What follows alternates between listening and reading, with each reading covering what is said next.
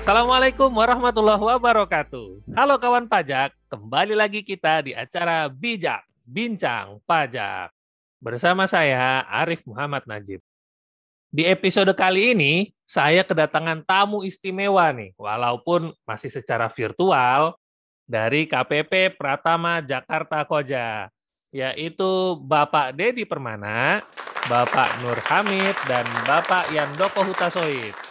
Beliau-beliau ini adalah fungsional penyuluh pajak dari KPP Pratama Jakarta Koja. Apa kabar Pak Dedi, Pak Hamid, dan Pak Yandoko?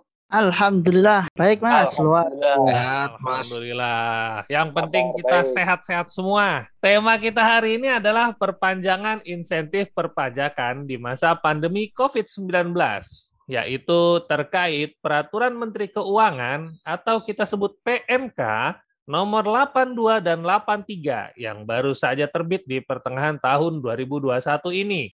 Oke, Pak Dedi, tolong dong dijelasin kepada kami dan kawan pajak pendengar sekalian, apa sih PMK nomor 82 ini, Pak? Silakan, Pak. Ya, terima kasih, Bapak Najib. Saya jelaskan sebentar ya. Mungkin untuk PMK 82 ini sudah banyak yang baca gitu kan. Sudah banyak yang memahami.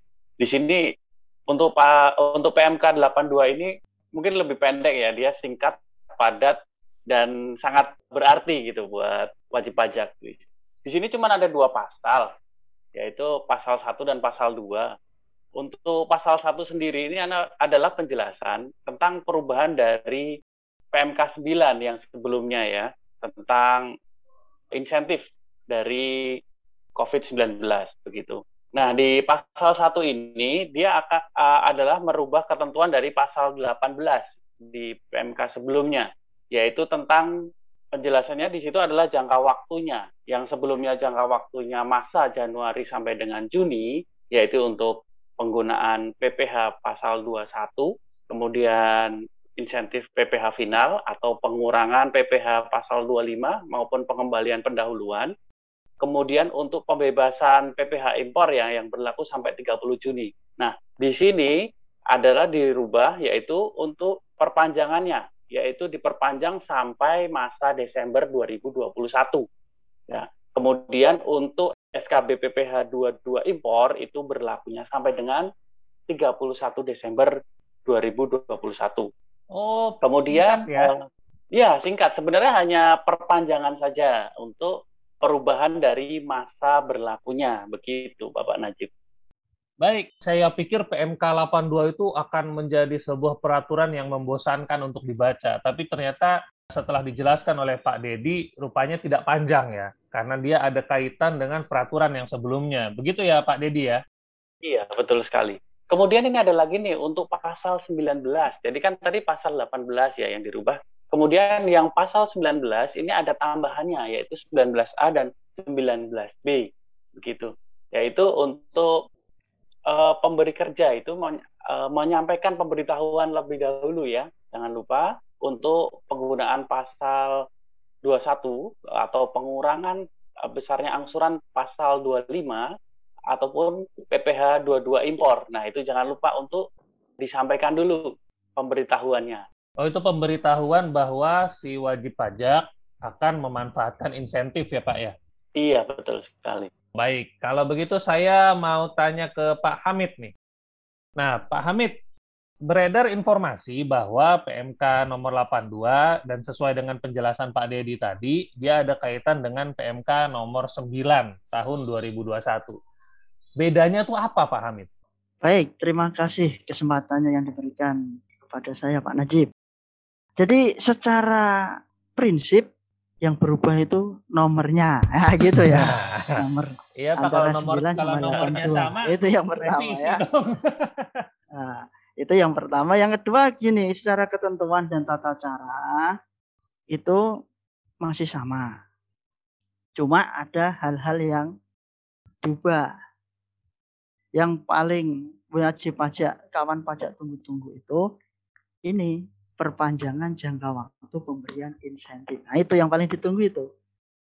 Kalau ketentuannya, caranya itu masih sama. Jadi perpanjangannya kalau yang PMK 9 itu hanya sampai masa Juni kalau pasal 22 impor berarti 30 Juni 2021. Tapi kalau yang di PMK 82 diperpanjang sampai dengan masa Desember 2021 dan untuk PPH 22 impor tadi sudah diterangkan oleh Pak Dedi sampai 31 Desember 2021. Itu yang kabar gembira yang pertama. Yang kedua, secara prinsip bahwa ada penyesuaian clue ya ini sudah agak tidak menyenangkan untuk beberapa wajib pajak Pak Najib ya karena loh ternyata clue saya kok tidak memenuhi ya begitu yang kedua ada penyesuaian klasifikasi lapangan usaha yang dianggap memang masih butuh diberikan insentif diberikan support oleh pemerintah terkait dampak dari COVID-19 ini.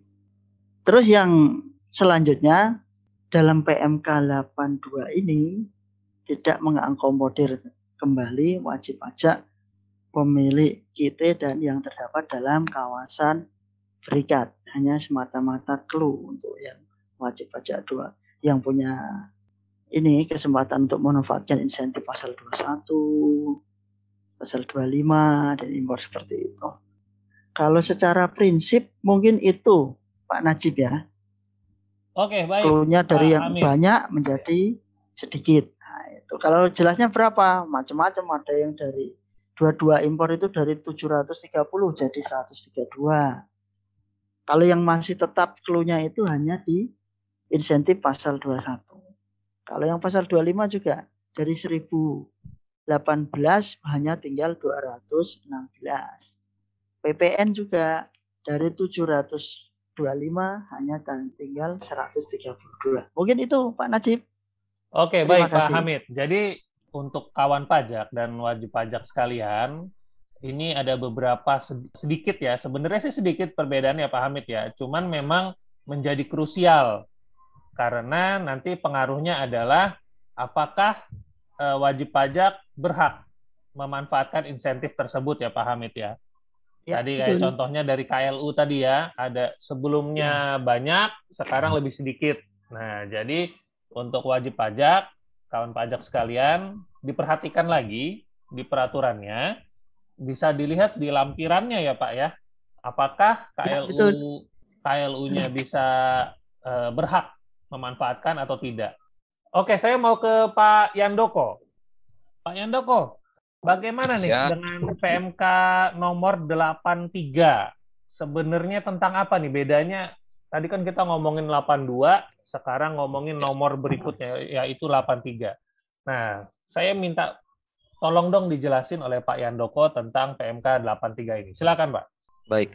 Uh, terima kasih Pak Najib dan rekan pajak. Jadi PMK 83 ini hampir sama sih sebenarnya. Jadi intinya memang kan uh, COVID memang belum selesai. Nah, pemerintah melihat COVID belum selesai, jadi fasilitas yang sudah diberikan itu jadinya diperpanjang. Nah, sampai dengan 31 Desember. Nah, PMK 83 ini merupakan perubahan atas PMK 239 yang sebelumnya tentang pemberian fasilitas terhadap barang dan jasa berdasarkan PP 29 tahun 2020 tentang fasilitas pajak penghasilan dalam rangka penanganan COVID. Nah, jadi intinya ini memang adalah perpanjangan fasilitas yang ada pada uh, PP 29. Jadi pada PMK 239, PP 29 itu diperpanjang sampai dengan 30 Juni. Nah, pada PMK 82 diperpanjang lagi sampai dengan 31 Desember. Nah, bedanya apa sama PMK 82 tadi? Kalau pada PMK 82 itu banyak uh, isinya adalah membicarakan tentang eh, WP-WP yang terdampak. Makanya dia dibatasi dengan clue-clue tadi per pasal clue-nya beda. Nah, atau pada pasal ini clue yang boleh memanfaatkan beda. Nah, pada PMK 82 itu fasilitasnya diberi, diberikan terhadap barangnya. Jadi barang dan jasanya.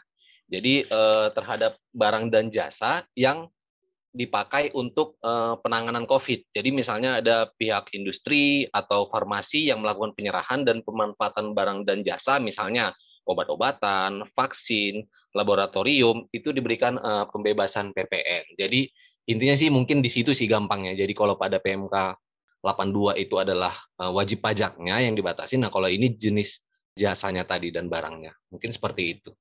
Jadi okay. uh, eh, saya tambahin sedikit boleh, boleh uh, masalah PMK 83 itu. Jadi sekilas tadi kan disebutkan bahwa perpanjangan PP 29. Nah, PP 29 itu apa sih? Nah, itu intinya ada empat sih sebenarnya. Jadi itu ada tambahan pengurangan penghasilan itu, yaitu bisa 30% dari biaya langsung yang dipakai untuk produksi alat-alat untuk COVID. Nah, terus juga sumbangan, kalau misalnya kita memberikan sumbangan untuk COVID, itu bisa dijadikan sebagai pengurangan penghasilan bruto. Jadi kalau sebelumnya kan sumbangan itu kan banyak ininya nih poin-poinnya. Nah, khusus untuk COVID itu bisa langsung jadikan sebagai pengurang. Nah, terus yang ketiga itu ada tarif PPH 0% untuk tambahan honor bagi tenaga kesehatan. Jadi setiap ada tambahan penghasilan yang diberikan pemerintah berupa insentif bagi tenaga kesehatan, itu tarif PPH-nya 0%.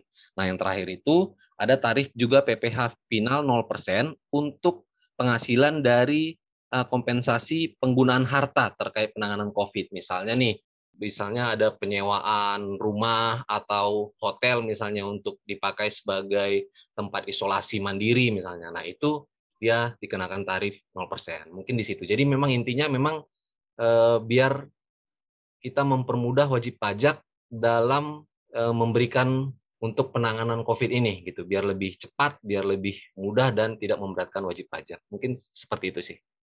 Kurang Oke, lebih. mantap Pak Yandoko penjelasannya. Jadi memang ada historinya rupanya ya untuk PMK 83 ini sebelumnya adalah di peraturan pemerintah ya. Dan PMK ya. ini semacam tambahan atau semacam ya perpanjangan supaya ya. bisa dimanfaatkan lebih lama lagi yaitu sampai dengan Desember 2021. Oke, saya mau ke Pak Dedi lagi nih. Pak Dedi, untuk Siap. PMK 82, step-step atau langkah-langkah apa saja yang harus diambil oleh wajib pajak atau kawan pajak untuk memanfaatkan PMK ini, Pak? Silakan, Pak. Baik. Untuk memanfaatkan ini jangan lupa cek dulu untuk KLU-nya. Jangan sampai kita sudah cek ternyata beda antara clue di pasal 21 dengan pasal 25 karena itu beda-beda. Jadi ada beberapa wajib pajak itu menanyakan begini, Pak, saya kan masuk di lampiran, kenapa saya tidak bisa memanfaatkan PPh pasal 25-nya begitu. Uh, setelah dicek itu KLU-nya dia memang termasuk yang PPh 21 bukan 25 begitu. Jadi uh, kalau di PMK sebelumnya kan lampirannya jadi satu tuh KLU-nya gitu. Jadi begitu search KLU-nya keluar ya dia bisa memanfaatkan semuanya begitu. Tapi kalau yang sekarang lihat judul lampirannya gitu. Jadi lampirannya itu ada yang PPH 21, ada yang 25 gitu kan. Uh, kemudian ada yang pasal 22 gitu. Nah, nanti dicek untuk judul dari lampiran tersebut. Nah, begitu sudah bisa, silakan untuk mengajukan uh, menyampaikan pemberitahuannya ya di pajak.go.id ya. Nanti setelah disampaikan bisa menggunakan fasilitas insentif tersebut begitu. Baik, Pak Dedi. Jadi sebenarnya langkah-langkah yang harus dilakukan oleh wajib pajak dan kawan pajak itu tidak sulit karena bisa dilakukan semua lewat internet ya Pak ya. Jadi nggak perlu susah-susah datang ke kantor pajak. Oke, saya mau ke Pak Hamid. Nah, setelah kawan pajak mengajukan pemberitahuan seperti yang telah dijelaskan oleh Pak Dedi, ada nggak sih kewajiban yang harus dipenuhi oleh kawan pajak semua? Silakan Pak Hamid. Baik, terima kasih Pak Najib. Nah, jadi gini, tadi disampaikan oleh Pak Dedi bahwa wajib pajak wajib pajak, kawan pajak ini wajib menyampaikan pemberitahuan. Nah, ternyata ini itu dua sisi mata uang dengan yang akan kita bahas yaitu wajib pajak punya kewajiban untuk melaporkan realisasi insentif yang diterima. Jadi ini dua hal. Jadi ketika wajib pajak sudah menyampaikan pemberitahuan, maka yang kedua syarat dapat insentif itu ini menyampaikan laporan realisasi yang paling lambat harus disampaikan tanggal 20 bulan berikutnya. Nah ini juga ini Pak Najib ini kadang wajib pajak ini dikira seperti karena masa SPT masa itu kan rata-rata selain PPN kan tanggal 20 bulan berikutnya itu pelaporan. Ya. Cuma ketika di aturan kita kalau hari libur bisa mundur. Ya. Wajib pajak nganggapnya laporan realisasi insentif ini sama. Padahal di aturan kita tidak ada perpanjangan seperti itu beda dengan SPT masa. Jadi ketika tanggal 20 libur tetap tanggal 20 tidak bisa mundur 21-nya atau dua-duanya ketika hari kerja. Jadi wajib pajak harus benar-benar memperhatikan ini karena apa? Nanti ketika pelaporannya lewat ada konsekuensi untuk tidak dapat memanfaatkan insentif di bulan tersebut. Itu Pak Najib. Baik Pak Hamid. Jadi harus benar-benar diperhatikan bahwa selain memiliki hak untuk memanfaatkan insentif, ada juga kewajiban yang harus dipenuhi oleh kawan pajak yang memanfaatkan tersebut. Dan ada konsekuensinya. Apa sih yang harus dihadapi jika kewajiban itu tidak dipenuhi gitu ya? Oke, Pak Yandoko, konsekuensinya tadi sudah disebutkan eh, sekilas oleh Pak Hamid. Bisa nggak dijelasin secara singkat, padat, bahwa konsekuensi-konsekuensi ini akan dihadapi oleh wajib pajak yang tidak melakukan kewajibannya. Silakan Pak Yandoko. Ya, eh, jadi kawan pajak kan kita diwajibkan tuh membuat laporan realisasi. Nah, ada yang kalau kita baca di PMK 82 memang kan disebutkan cuman kewajibannya melaporkan realisasi. Nah, sanksinya ternyata kita baca kok nggak ada di situ gitu. Nah, sanksinya ya. itu kan PMK 82 itu kan merubah uh, PMK 89. Nah, jadi sanksi itu tidak PMK dirubah. 9, jadi, Pak. Dia PMK 9. 9 nah, ya. jadi dia terdapat di PMK 9. Nah, kalau kita baca di pasal 4, pasal 6, pasal 8 dan pasal 19 itu di ayat 6 dan ayat 5 itu dikatakan bahwasanya WP yang tidak menyampaikan laporan realisasi sampai dengan batas waktu yaitu tanggal 20 tadi ya, maka WP tidak dapat memanfaatkan insentif untuk masa tersebut. Jadi atau dengan kata lain bahwasanya kalau kita tidak menyampaikannya tepat waktu, nah otoritas pajak itu dapat menganggap WP tersebut tidak memanfaatkan insentif tersebut walaupun kita sudah memberi persetujuan terhadap WP tersebut. Nah, Baik. karena WP dianggap tidak memanfaatkan, maka otoritas pajak dapat menagih pajak yang sebelumnya telah dimintakan insentif. Jadi harus hati-hati dan harus dilaksanakan dengan benar-benar terkait dengan laporan realisasi ini. Mungkin kurang lebih seperti itu. Sanksi. Oke, baik Pak Yandoko. Jadi pemerintah sudah berbaik hati memberikan kemudahan-kemudahan bagi kawan pajak di masa pandemi yang di mana kita semua mengalami kesulitan, baik itu ya. ekonomi, baik itu kesehatan. Namun pemerintah juga meminta kerjasama dari para kawan pajak sekalian untuk melakukan kewajibannya, yaitu melaporkan realisasi atas pemanfaatan insentif tersebut ya Pak ya? Ya, benar Pak.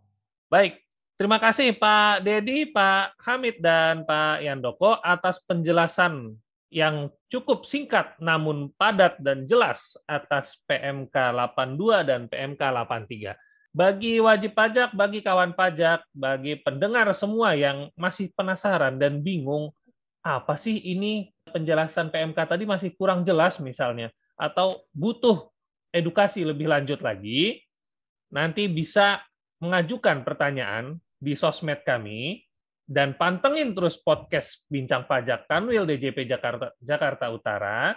Jangan lupa follow Instagram kami di @pajakjakut dan pajak Jakarta Koja, Twitter kami di @pajakjakut, dan subscribe juga YouTube kami Kanwil DJP Jakarta Utara dan KPP Pratama Jakarta Koja.